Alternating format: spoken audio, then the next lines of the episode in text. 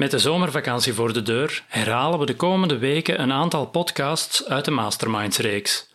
Let wel, omdat het al oudere afleveringen zijn, is sommige informatie ondertussen wat achterhaald. Maar de voornaamste lessen en inhoud van de afleveringen blijven uiteraard gelden. Voor we de aflevering starten, een korte disclaimer. Deze podcast is op geen enkele manier bedoeld als beleggingsadvies. Alle cijfers, koersen en bedrijfsgegevens die erin aan bod komen zijn louter ter informatie.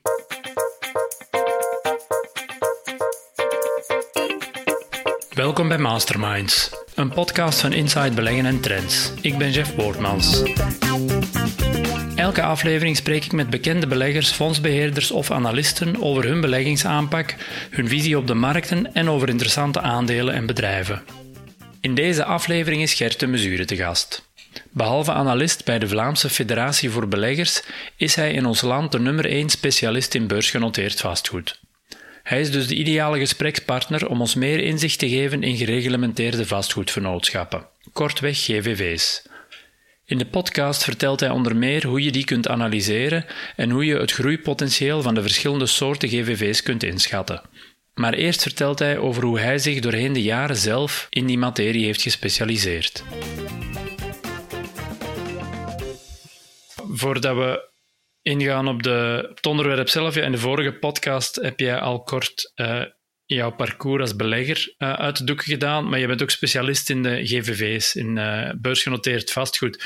Misschien om daar even op door te gaan, ja, hoe ben je daar ingerold en hoe, hoe heb jij jou daarin gespecialiseerd in de afgelopen jaren? Hoe is dat gegaan?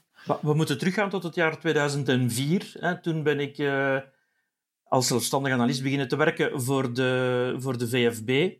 En dan uh, in feite, ja, de, de opdracht was dus om de bedrijven die partner werden van de VFB, van die uh, op te volgen als analist. En in het begin zaten daar een aantal, uh, ja, toen vastgoed-BVACs tussen. En in de jaren nadien hebben we heel wat beursintroducties gehad. En al die vastgoed-BVACs, vandaag GVV's, die zijn allemaal partner geworden. Dus in die zin dat, dat, dat ik 14 van de 17 GVV's ja, van heel dichtbij uh, volgde op heel regelmatige basis en ook ja, hele goede contacten onderhield met het management. En in plaats van dus bedrijf A, B, C hè, apart altijd te waarderen, op een bepaald ogenblik ja, gingen we eens gaan kijken, een soort van helikopterzicht om te zien wat gebeurt er nu in de sector, waarom die hoge premies, waarom dit, waarom dat. En doorheen de jaren heb ik toch een aantal nuttige inzichten kunnen verwerven, terwijl andere analisten zich misschien misschien zich alleen maar richten op de detailcijfers van het kwartaal of van het halfjaar en niet altijd de tijd hebben om, om over de grenzen van die individuele GVW's te kijken. Ja, ja, ja. En je hebt die inzichten ook gebundeld in een boek dat je onlangs hebt heruitgegeven, GVV's van A tot X. Ik vermoed dat dat van Identificat tot Xior is of zoiets. Uh. Ik, ik ga niet van gemakkelijke zaken, dus ik, ik, wil dat iedereen een beetje nadenkt. Iedereen zegt dan direct van, ja, maar van A tot Z. Ja, maar ja, er is geen Z, hè, Xior. En uh, dus in 2017 had ik een, een, een, kleine, een kleiner boek, 140 bladzijden. Oké, nu, uh, ondertussen vier jaar later, ben ik weer wat slimmer geworden. Uh, weer wat nieuwe inzichten. En ik heb er ook een groot luik buitenlandse aan toegevoegd, hè, waardoor ik nu van die 140 naar die 300 bladzijden gegaan ben. Wat mij betreft de Bijbel om te beginnen aan vastgoed beleggen. Om daar um, over het algemeen deel eerst even kort te hebben. Jij um, brengt daar een aantal parameters in naar voren waarmee beleggers aan de slag kunnen gaan om betere beleggingsbeslissingen te nemen wat betreft um, het investeren in, in GVV's. Als we dan gaan kijken naar de, naar de zaken waar ze naar zouden moeten kijken, je kunt balansmatig en dan resultaatmatig gaan. Als we dan eerst naar de balans kijken, spreek jij over de intrinsieke waarde van die GVV's. Maar wat is dat precies? Wat moeten we ons daarbij voorstellen bij die intrinsieke waarde? Ja, een intrinsieke waarde van een GVV, dat is gelijk aan de boekwaarde of het eigen vermogen. Hè. Het is, wordt altijd geherwaardeerd. Hè. Maar dat is, dat is voor mij een verheffeningswaarde. Hè. Dus een verheffeningswaarde, dat wil zeggen van als je morgen zegt van jongens, ik ben het beu, ik stop ermee, ja, dan ga je alles verkopen. Je, je betaalt de schulden terug en een overschot is in, is in theorie een intrinsieke waarde. Maar dat zegt natuurlijk niks over wat die in, allee, dat eigen vermogen of die intrinsieke waarde kan opbrengen. Ik geef altijd het voorbeeld. Stel dat je een GVV hebt met uh, bouwgrond alleen. Ja, die bouwgrond die brengt niks op. Je hebt dan alleen maar kosten.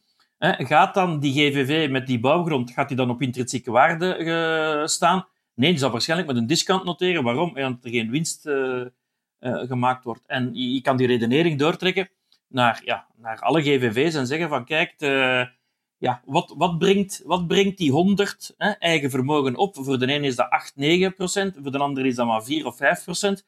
En daar krijg je dan verschillen, inderdaad, met de, met de premie of de discount tegenover die uh, intrinsieke waarden. Hè. Ja, dat is wanneer je je afzet tegen de beurswaarde van het bedrijf. Stelt dat de intrinsieke waarde op 100 staat en uh, de beurskapitalisatie is 110, dan zit je met een premie van 10%. Voilà, en de, als je kijkt naar logistiek, hè, dan noteren ze, ik ga zwaar afronden, met een premie van 100%, dan zijn er mensen die zeggen, ja, maar elke belegger die WDP of Montea, koopt, hè, dat is zo'n onnozelaar, want die betaalt twee maanden het eigen vermogen. Maar ik denk niet dat het een onnozelaar is. Daar zit dus wel een bepaalde redenering achter. Kwestie van groei, uh, van veiligheid en, en, uh, en, en zo verder. Hè. Dus ook onderwaardering ook van dat vastgoed, van, dat, van de intrinsieke waarde. Maar je hebt toch een combinatie die ervoor zorgt dat die hoge premie dat die wel gerechtvaardigd is. Hè. Je kan hetzelfde zeggen van de discounts. Dus de GVV's met winkelvastgoed, die noteren we allemaal met een, met een discount. Dan kan je zeggen van, ja, maar ja, de huurprijzen gaan zakken, er gaan faillissementen. Oké, de toekomst zal uitwijzen of dat de markt daar gelijk heeft, te, te, allez, te negatief is of, of niet. En, en dat is ook aan de belegger om daar een beetje te gaan kijken van, oh, is de markt eh, correct uh, met die waardering of niet? Uh, ja, dat is, de, dat is de grote vraag altijd natuurlijk. Ja, ja. Zeggen die, die intrinsieke waarden, waar kunnen beleggers die vinden? Zijn de meeste bedrijven daar redelijk correct in als ze die zelf rapporteren? Of, of moet je dat zelf? Nee, dat is een IFRS. Uh, allee, je hebt natuurlijk verschillende intrinsieke waarden. Hè, dus de, de, het klassieke cijfer is de IFRS. Dus die wordt gecontroleerd door een, door, een bedrijf, door een bedrijfsrevisor. Dus daar kan je dus niet veel aan, aan prutsen of aan interpreteren.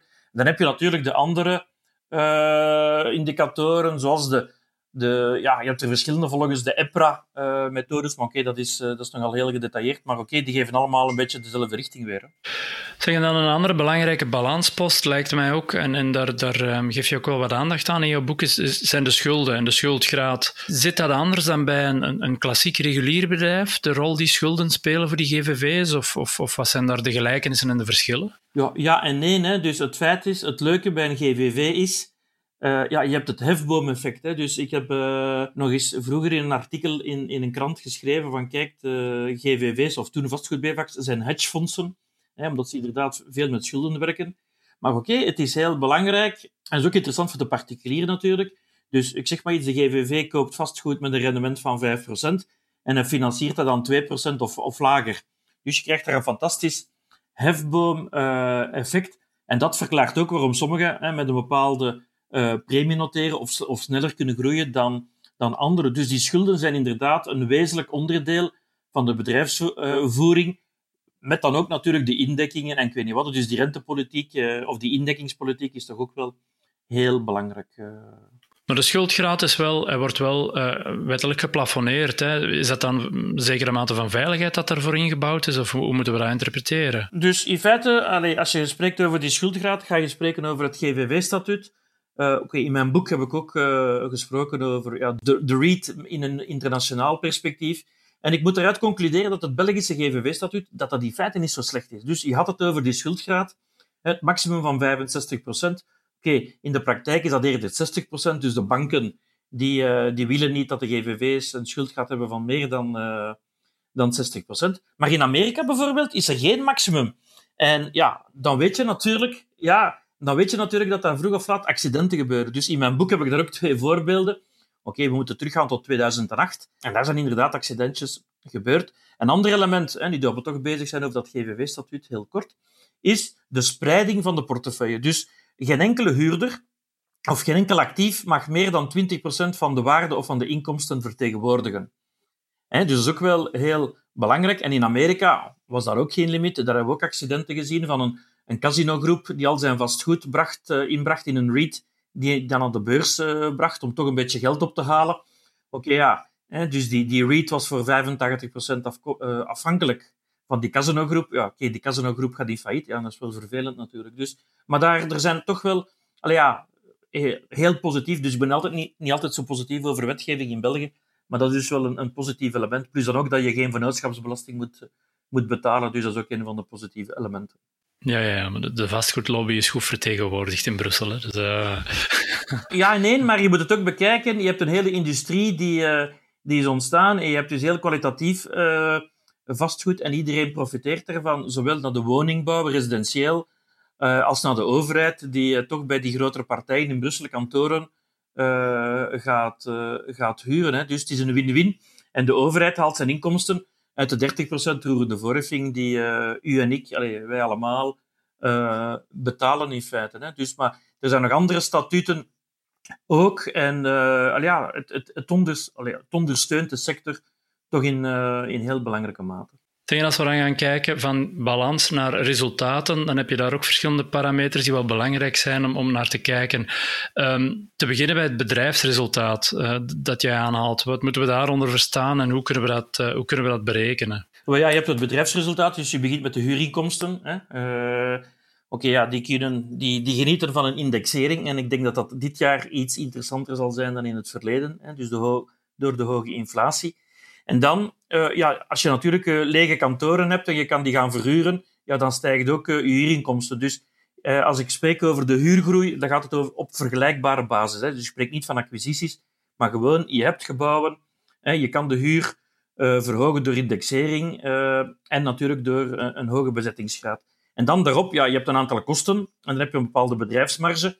Ja, de bedoeling is ook natuurlijk dat die marge zo hoog mogelijk is. En je hebt daarvoor toch een bepaalde omvang nodig. En dat is ook de reden waarom, als een GVV naar de markt komt, dat hij zo snel mogelijk wil groeien, om dan in feite die vaste kosten over zoveel mogelijk omzet te spreiden en zijn marge geleidelijk uh, te kunnen verbeteren. Dus dat is een eerste aspect, inderdaad, dat bedrijfsresultaat. Ja, ja, ja. En dan daarna heb je het courantresultaat, maar dat is niet helemaal hetzelfde. Nee, je hebt daartussen nog het financiële resultaat. Hè. Dus uh, we hadden het daarnet al aangegeven, de schulden zijn een heel belangrijke uh, factor. Dus je hebt gewoon uh, bedrijfsresultaat min financieel resultaat. Voor groepen die alleen in België actief zijn, heb je geen belastingen. Dus dan ga je gewoon bedrijfsresultaat min je financiële lasten is courant resultaat. En in feite, dat courant resultaat is in feite de courante cashflow. Want er gebeuren ook geen afschrijvingen. Okay, je hebt sommige GVV's die aanwezig zijn in landen waar ze geen gunstig fiscaal statuut hebben, hè, zoals een Edifica bijvoorbeeld in, in Finland of in Ierland of in Groot-Brittannië. Die betalen wel wat belasting. Dus, maar dan kom je uit op het courant resultaat. En dat courant resultaat is, ja, zoals het woord het zegt, courant. En dat is voor mij de, de parameter die je moet volgen. Dus en het courantresultaat per aandeel, dat is in feite uh, ja, de parameter. Dus je hebt natuurlijk het courantresultaat as such, maar ja, als je, als je meer aandelen uitgegeven hebt natuurlijk, dan moet je meer, meer mandjes voeden. Dus courantresultaat per aandeel. Uh, en om al de link te leggen naar de aandelen of naar de, naar de gewone aandelen, ik bekijk dan ook altijd uh, de koers-courant resultaat. Dat is hetzelfde als de koerswinst. Dus iedereen, elke belegger kent wel een koers-winstverhouding. Dus je kan er ook die link maken met het koerscourant uh, resultaat in feite. Dus als je GVV's onderling wilt vergelijken, moet je wel ervoor zorgen dat je ze allemaal op dat koers, gedeeld door een courant resultaat, naast elkaar zet om, om te zien hoe de waardering momenteel ligt. Ja, dat is, dat is een basis natuurlijk. Een, allez, als ik enkele grote lijnen kan geven, dus voor het winkelvastgoed, of voor de GVV's in winkelvastgoed, zit je tussen de 10 en de 12. Uh, ga je naar het zorgvastgoed, zit je rond 25. Uh, voor logistiek vastgoed uh, ga je eerder richting 30. Dus je weet daar al, nou ja, het is duidelijk dat, dat je dan kan zeggen, ja, maar zorgvastgoed en logistiek vastgoed zijn duurder.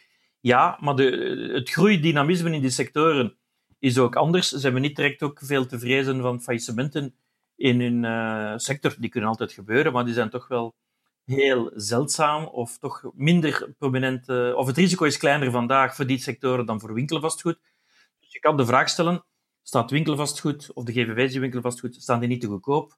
En of staan hè, die in zorgvastgoed en uh, logistiek vastgoed niet te duur? Maar oké, okay, dat is een andere uh, discussie. Ja, ja, natuurlijk. En jij sprak daarnet van die roerende voorheffing, die voor vadertje staat wel belangrijk is, maar ook voor de beleggers in die GVV's. Want ja, een, een, belangrijk deel van hun resultaten zijn ze wel verplicht van uit te keren. Is dat dan dat uitkeerbaar resultaat waar je over spreekt? En hoe moeten we dat juist interpreteren? Uitkeerbaar resultaat is nog een, een, een hoe zou ik zeggen, die bouwt verder op het courantresultaat. Dus je hebt het courantresultaat, het dagdagelijkse bedrijfsvoering. Dan heb je het uitkeerbaar resultaat, dat is de gerealiseerde meerwaarden. Die, kan je, die mag je dan ook uitkeren. Uh, en de enige die daar, allee, ja, die, die dat element rapporteert op regelmatige basis is Homeinvest, omdat zij inderdaad elk jaar 2 tot 3 procent van hun portefeuille verkopen. Maar het komt dus iets minder voor, maar het belangrijkste is altijd te kijken naar dat courant resultaat. En je wou de link leggen met het, met het dividend. Het is heel duidelijk. Uh, ook die, die GVV-wet stipuleert dat 80% van dat courantresultaat moet uh, uitgekeerd worden. Dus wat zagen we tien jaar geleden? Is dat elke GVV ja, die wou de beste zijn op het vlak van dividend. En iedereen keerde een zo hoog mogelijk dividend uit, meestal 100% van de winst. Maar geleidelijk aan zijn ze die, die, die pay-out ratio gaan verlagen naar 80%. En wat is, wat is daar het voordeel? Ja, zo houden ze 20% van hun resultaat in de groep. En die kunnen ze dan weer investeren aan een rendement dat, ja, dat hoger ligt dan op ons spaarboekje, als ik het zo kan stellen. En dus voor een WDP, voor Montea, gaat dat naar 7, 8 procent. Van de andere is dat 5, 6 procent. Dus dan kan je beter zeggen, als particulier, ik ben wel tevreden met, wat lager, met een wat lager dividend, maar herbeleg maar die, die overschot en realiseer maar een, daarop een rendement van 6, 7, 8 procent. En daar kan je ook van profiteren, want dan gaat de koers stijgen op termijn en je weet, ja, koersmeerwaarden zijn nog altijd vrij van belasting natuurlijk. En je zei daarnet, waardering is er wel een beetje een onderscheid afhankelijk van de sector waarin de GVV's actief zijn. Geldt hetzelfde voor dividendrendement, waar dat de GVV's met een... Ja, ja, maar ja omdat je, je hebt ook een je hebt veel hogere koersen of hogere waarderingen bij logistiek vastgoed en zorgvastgoed, waardoor je daar qua netto-rendement ga ja, zit je rond de 2%. Maar ik zeg het, ja, veel beleggers vinden dat, niet, uh, vinden dat geen grote ramp. Waarom? Dat ze op grote koerswinsten zitten natuurlijk met dat logistiek vastgoed en dat uh, zorgvastgoed. En als je natuurlijk een lagere aankoopprijs hebt, ja, dan heb je nog zo gezegd altijd op je originele aankoop een hoog dividend. Uh... Dus veel van de GVV's moeten het ook hebben van de groei. Je zei daarnet, ze komen naar de beurs om hun groei te kunnen financieren. Maar wat zijn dan ja, de verschillende manieren waarop zij uh, kunnen, kunnen groeien? Je kan groeien, ja, zoals ik daarnet zei, op interne basis of vergelijkbare basis. Gewoon zorgen dat je vastgoed 100% eh, eh, verhuurd is en dat je kan indexeren. En dan kan je natuurlijk externe groei, en kan je gebouwen gaan kopen, maar daarvoor moet je schulden aangaan. En ja, dat is ook een, als je schuld al te hoog is, ja, dan kan je natuurlijk niet veel meer groeien. Dan moet je kapitaalverhoging doen, maar ja, dan ga je winstverwatering hebben, dus je winst kan daardoor uh, dalen. Maar oké, door die uh, acquisities te doen, kan je misschien je marge uh, verhogen. Je kan ook naar landen gaan waar het huurrendement hoger is. Plus, in feite, zoals ik daarnet al zei, ja, die 20% van courant resultaat die niet uitgekeerd wordt, als je die gaat investeren, ja, dan, dan groei je sowieso. Hè? Dus dan ga je daar ook gebouwen overnemen. Feit, feit is dan ook, als we gaan, gaan spreken over die groei, als je kijkt naar GVV's die alleen maar gebouwen kopen, dat is in feite minder aantrekkelijk. Uh, waarom? Omwille van de hoge prijzen. Hè. En dan creëer, creëer, je weinig toegevoegde waarde. Dus wat zien we nu bij de meeste GVV's? Is dat ze zelf gaan ontwikkelen. Hè, dus een Homeinvest koopt ergens een, een, een, verouderd kantoorgebouw, zorgt voor bouwvergunningen en converteert dat na, naar, een, uh, ja, naar een nieuw appartementencomplex. Eh, WDP Montea die, die kopen bepaalde grondreserves en gaan dan ja, partijen zoeken die geïnteresseerd zijn om daar een, een logistiek pand op te zetten Oké, een Edifica, ja, die, werkt, ja, die koopt bestaande rusthuizen, maar ze gaat ook altijd wel kijken van, kijk, kunnen we op die site van die operator, kunnen we daar geen uitbreiding doen? En heeft hij geen vergunning voor meer bedden? En dan gaan ze die ook helpen om die uitbreiding te doen op termijn. En, en zo kan je toch wel wat toegevoegde waarde creëren. En dat maakt ook dat, hè, we spraken net over de hoge waardering van WDP en Montea, dus zij hebben heel veel eigen ontwikkelingen en dat zij bijna een soort van waardering hebben van een ontwikkelaar, type Immobel, type Attenor. Hè. Dus je hebt dus, ja, op die ontwikkelingen kan je altijd een meerwaarde realiseren. Plus natuurlijk ook door de daling van het rendement van logistiek vastgoed, ja, krijg je ook een positieve herwaardering.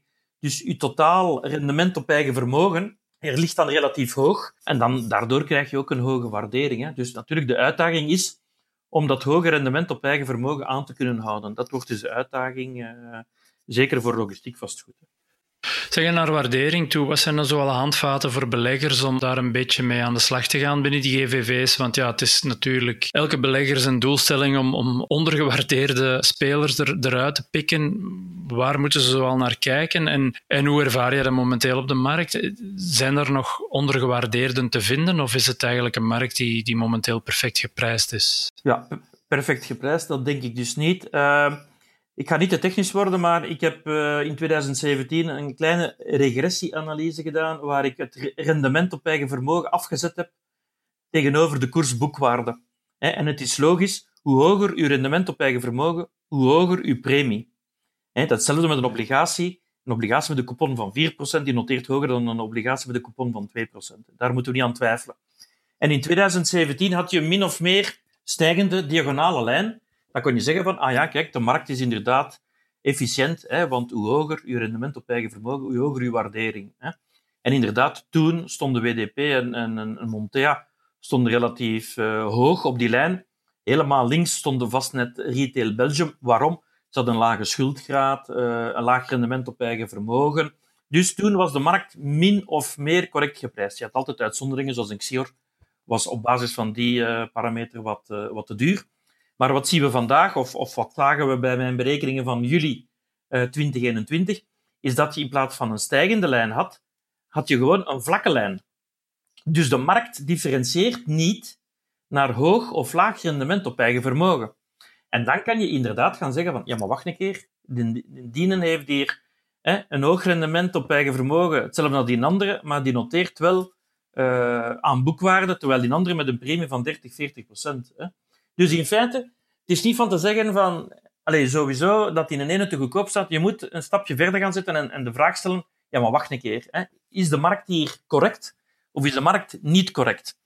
Hè, dus ik ga, uh, een voorbeeld bijvoorbeeld is Ascensio, hè, zit in winkelvastgoed, maar, maar 40% zit in voedingswinkels. Oké, dat zijn essentiële uh, winkels, bij wijze van spreken, dus die hebben niet moeten toedoen in de coronacrisis. Uh, maar wat, wat zien we bij Ascensio, is dat hun rendement op eigen vermogen veel hoger ligt dan in 2004. Waarom? Omdat ze een hogere schuldgraad hebben. Ze hebben begin 2020 een mooie acquisitie gedaan in, Frankrijk voor een groot uh, bedrag, een paar supermarkten.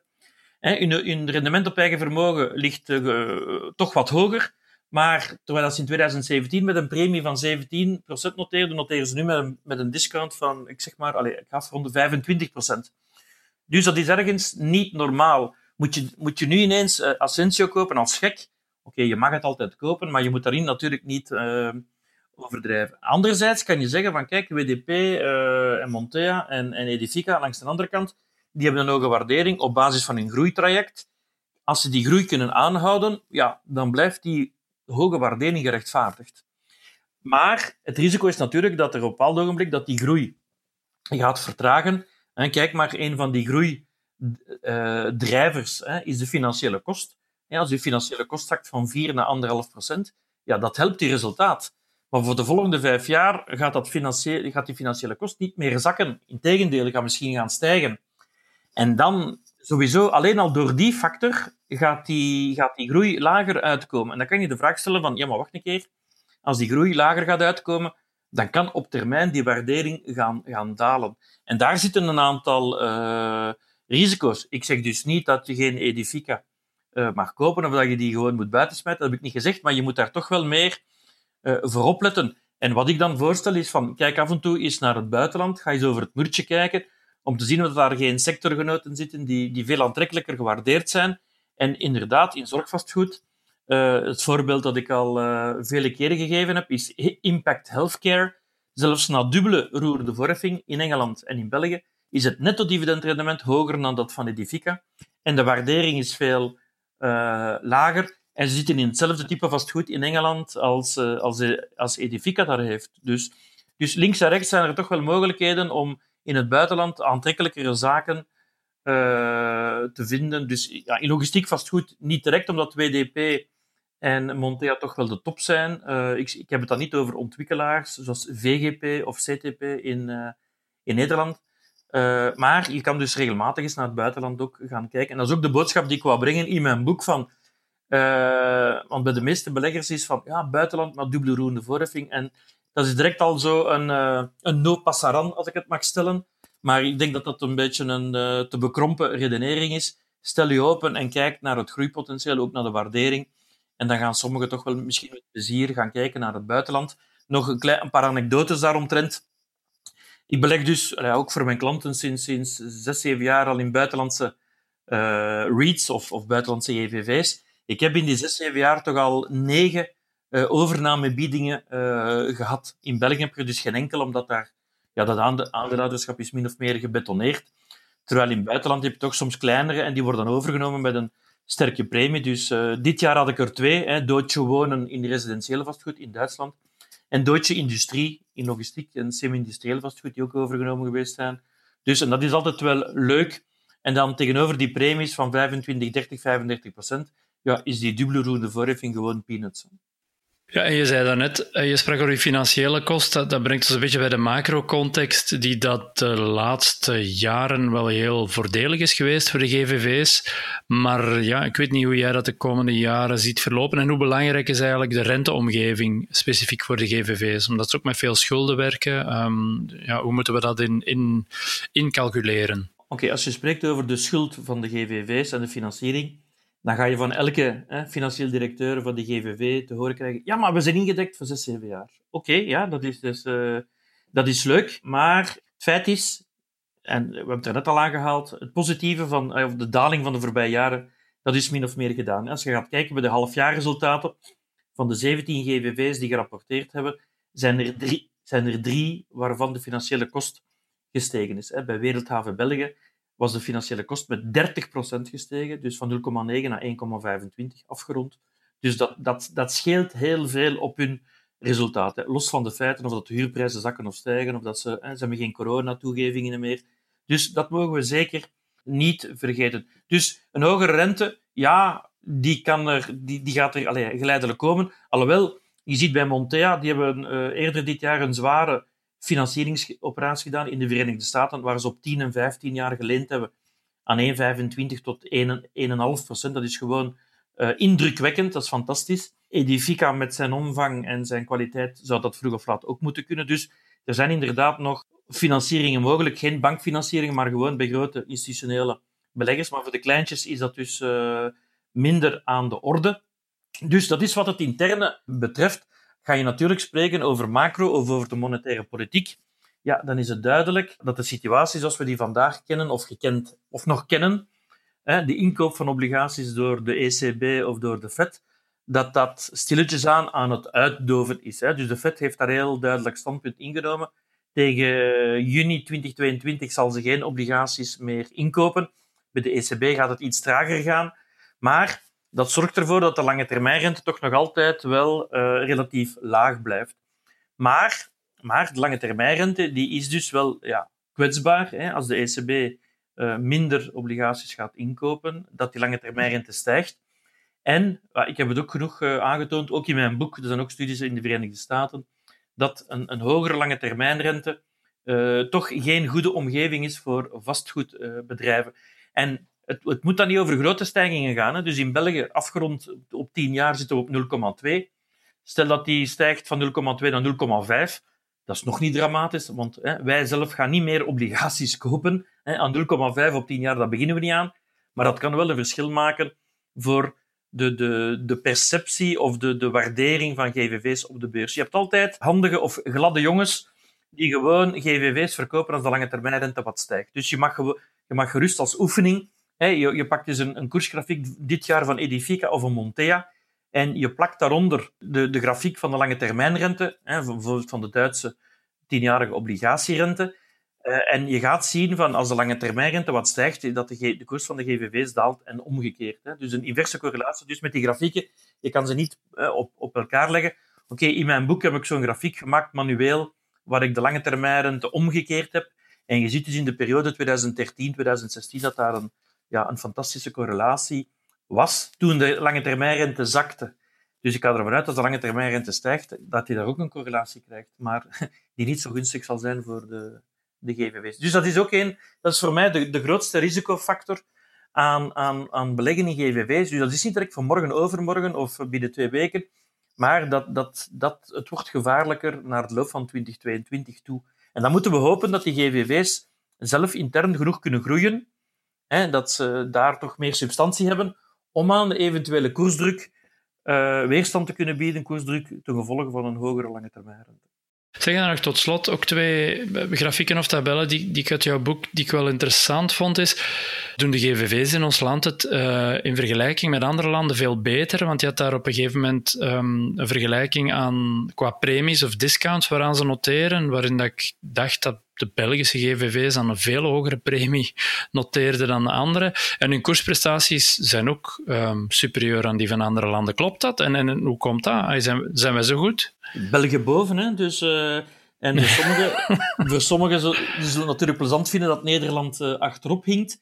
Maar in feite, we moeten daarin eerlijk zijn, ja, het gaat om de samenstelling van de index. Hè? Dus in België uh, welke zijn de GVV's die die index domineren? Ja, dat is uh, WDP, Cofinimo, Montea, uh, Edifica. En dat zijn nu toevallig de sectoren of de, de segmenten die het heel goed gedaan hebben. Dus de kleinere vastgoed-GVV's, die zijn daarin niet vertegenwoordigd. Of die hebben een heel allee, klein gewicht. Terwijl als je gaat kijken naar Nederland, daar heb je in principe alleen maar vernootschappen met winkelvastgoed. En ja, dan weten we ook dat die het niet zo goed gedaan hebben. Hè? Dus Wereldhaven of een uh, Unibuy uh, of een Vastnet. Dus die hebben het niet zo goed gedaan. En dat weegt dus op de index. Dus uh, in feite de enige min of meer goede vergelijking die, kunnen we, maken, die we kunnen maken is met Zweden. En Zweden is de, de topper in Europa, maar daar zitten ze ook gemiddeld met een hogere schuldgraad, 55, 60 tot 65 procent, terwijl in België de gemiddelde schuldgraad toch onder de 50 procent ligt. En ook in Zweden liggen de rendementen nog altijd, de vastgoedrendementen nog altijd iets, iets hoger. Dus bijvoorbeeld, ja, in Zweden is bijna alle vastgoed is privé. Hè? Dus dat het nu gaat om stadhuizen, scholen, ja, rusthuizen, klinieken, uh, gevangenissen, kazernes, politiekantoren, ja, gewone kantoren. Dat zit allemaal in, in de, de privé. Dat, dat wordt, uh, ja, die groepen ja, die hebben daarop een rendement van 5,5, 6 procent. Die financieren zich aan, aan 2 procent en goedkoper, omdat ook in Zweden hè, uh, er een, een gulle monetaire politiek uh, bestaat. En dat verklaart ook uh, het een en het ander. Maar ik zeg het, in België zijn we natuurlijk verwend met, uh, zoals ik al zei, de, de, jongens in logistiek vastgoed en in zorgvastgoed. Hè. Ja, dat is heel leuk geweest tot hiertoe. Maar het is zoals je zegt, voor de komende jaren zal het, zal het oppassen zijn en, en vooral alert blijven dat ze hun groeipotentieel kunnen waarmaken, als ik dat goed begrepen heb. Dat heb je goed begrepen, chef. Oké, dat is uh, wat mij betreft uh, een, een goede noot om op te eindigen. Maar uh, jij bent heel erg bedankt voor uh, jouw tijd en inzichten en voor jouw boek. het is een aanrader wat mij betreft. En graag tot volgende keer. Oké, bedankt. Tot later. We luisteren nu naar Geert van Herk, Chief Economist van Keytrade Bank, met zijn analyse op een aspect van de economische actualiteit. Hallo iedereen en welkom bij onze wekelijkse bijdrage aan de Trends Beleggen podcast. In de podcast van vandaag wil ik wel even stilstaan bij het recente gepubliceerde macro-economische nieuws. Want we weten het al eens, sinds eind vorig jaar, ook begin dit jaar en ook bij de aanvang van de zomer, waren er opnieuw heel wat economisten, fondsbeheerders die toch wijzen op het, het risico van een nakende recessie.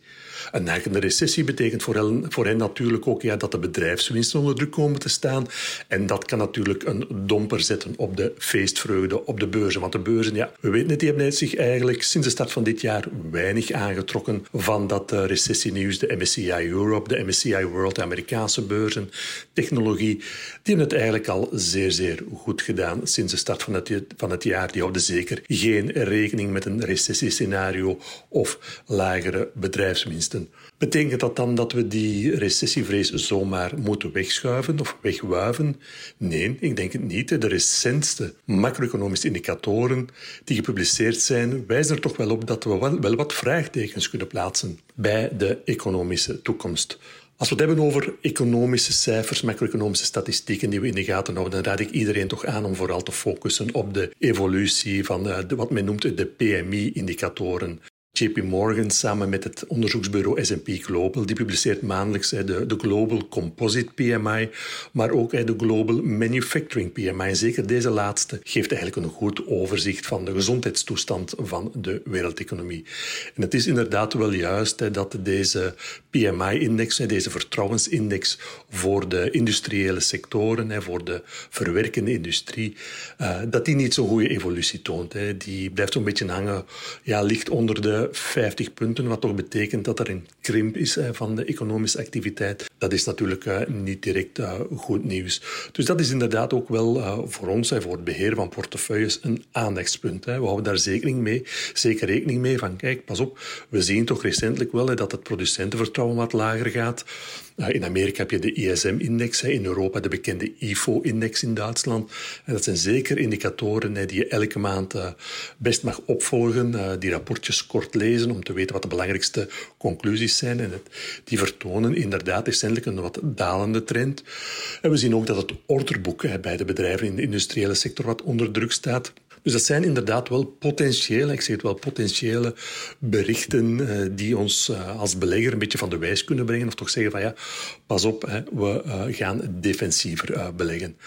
Maar wat ik iedereen wel zou aanraden is om dan, eh, als je een beetje ja, tegenvallend economisch nieuws leest, van toch altijd te gaan kijken naar de markten. Welk beeld, welk signaal geven de beurzen ons op dit ogenblik? En als we dan kijken naar de beurzen, ja, dan zien we toch nog altijd dat de technologie sector uh, het zeer goed doet. We zien ook de afgelopen vier maanden bijvoorbeeld dat... Uh, de bankaire aandelen uh, het goed doen. Hè, die outperformen, zeker in de Verenigde Staten, toch bijvoorbeeld ja, de, de S&P 500. Nu, als banken het goed doet, denk ik, ja, is ook niet onmiddellijk uh, een, een, signaal om een, een, grote crash te verwachten of een zware correctie op de markt. En dat zullen natuurlijk de eerste aandelen zijn die onder druk komen te staan. Ik denk als we ons allemaal nog 2007 herinneren, toen zijn de banken zwaar onderuit gegaan. We zien ook op dit ogenblik eigenlijk dat de twee zeer defensieve sectoren, zoals bijvoorbeeld de voedingssector met bedrijven als eh, Nestlé, AB InBev, of een andere defensieve sector zoals deze van de utilities, de RWE's, Iberdrola's, Engies van deze wereld, die opnieuw die eh, sorry, die underperformen de bredere indexen. Dus twee defensieve sectoren die wat achterblijven op de prestaties van de bredere markt.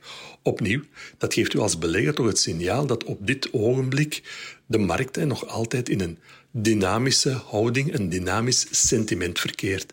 En daarom raden we toch ook, denk ik, om, om nog niet onmiddellijk aan om bijvoorbeeld in de portefeuilles ja, de blootstelling aan aandelen scherp terug te brengen of om over te schakelen op een defensievere strategie. Opnieuw, ik heb in deze podcast al vaak gezegd, wil je echt een, een goede indicator hebben om te weten wanneer je eigenlijk bijvoorbeeld moet switchen van een dynamische portefeuille samenstelling naar een meer defensievere portefeuille samenstelling, ik opnieuw iedereen aan om te kijken naar de evolutie van het 200-daags gemiddelde, als u naar dat grafieken kijkt, en voor de grote indexen of de grote sectorindexen, en het 10 of het 12 maands gemiddelde als u naar de lange termijn kijkt, vooral de maandgrafieken. En opnieuw, daar zien we op dit moment geen signalen van een trendommekeer. De belangrijkste regionale indexen, een MSCI World, een S&P 500 en eh, MSCI Europe, die indexen noteren op dit ogenblik allemaal boven hun 200 gemiddelden, boven hun 10 of 12 gemiddelden. We zien ook dat bijvoorbeeld de lange termijn gemiddelde 10 of het 12 gemiddelde op de maandgrafieken, dat die opnieuw ook op dit moment de overgang maken van een dalende trend naar een stijgende trend. Dus ook daar, dus een beetje de helling die we zien van, de, van het uh, gemiddelde, is ook positief aan het worden. Dus opnieuw bijkomende signalen dat op dit moment, ik zeg wel op dit moment, de markt nog altijd uitgaat van een dynamische, een wat meer risicovollere portefeuille samenstelling. Zeker geen uh, accent op bijvoorbeeld defensieve aandelen of defensieve aandelensectoren. Dus voilà, dat is een beetje de boodschap die we in deze podcast willen meegeven. Het klopt dat de belangrijkste vertrouwensindicatoren een wat tegenvallend uh, verloop laten zien de laatste maanden. Dat kan, ik zeg dat kan, de voorbode zijn van ja, slechter economisch nieuws. Maar opnieuw, als u dat ziet, ga niet onmiddellijk op basis van deze cijfers over tot bijvoorbeeld een defensieve beleggingsstrategie. Nee, kijk ook een beetje naar het signaal van de markt. En we zien dat de defensieve sectoren vandaag de dag wat achterblijven op andere sectoren of op de brede marktindices. We zien ook dat uh, ja, wat meer uh, cyclische sectoren, zoals de bankaire sector, industriële aandelen, in Amerika bijvoorbeeld ook de homebuilders, de, de, de huizenbouwers, uh, die staan allemaal op het hoogste pijl van de afgelopen twaalf maanden. Dat zijn zeker geen signalen van een ommekeer. We gaan natuurlijk nu wel de periode augustus-september komen. Dat zijn vanuit een seizoensstandpunt twee wat zwakker maanden. Dus ons zeker niet verbazen moesten de beurzen, zeker na de sterke prestatie in de eerste maanden, eerste zes maanden van dit jaar, een korte correctie kennen van zo'n 5 à 10 procent. En ik denk dat we dit op dit ogenblik nog altijd moeten beschouwen als een aankoopopportuniteit. Dus voilà, we blijven optimistisch gesteld voor wat betreft uh, de beurzen, met het accent op wat meer uh, risicovollere uh, sectoren of aandelenklassen. We gaan op dit moment zeker nog niet over tot een defensieve strategie. Dat was het voor deze week. We spreken elkaar opnieuw volgende week. Tot zover deze aflevering van de Masterminds podcast. Bedankt voor het luisteren en aarzel zeker niet om hem te delen met familie, vrienden en kennissen en om een recensie achter te laten via uw podcast-app. Deze podcast kwam tot stand met de gewaardeerde steun van Keytrade Bank, de onbetwistbare marktleider in online trading in België.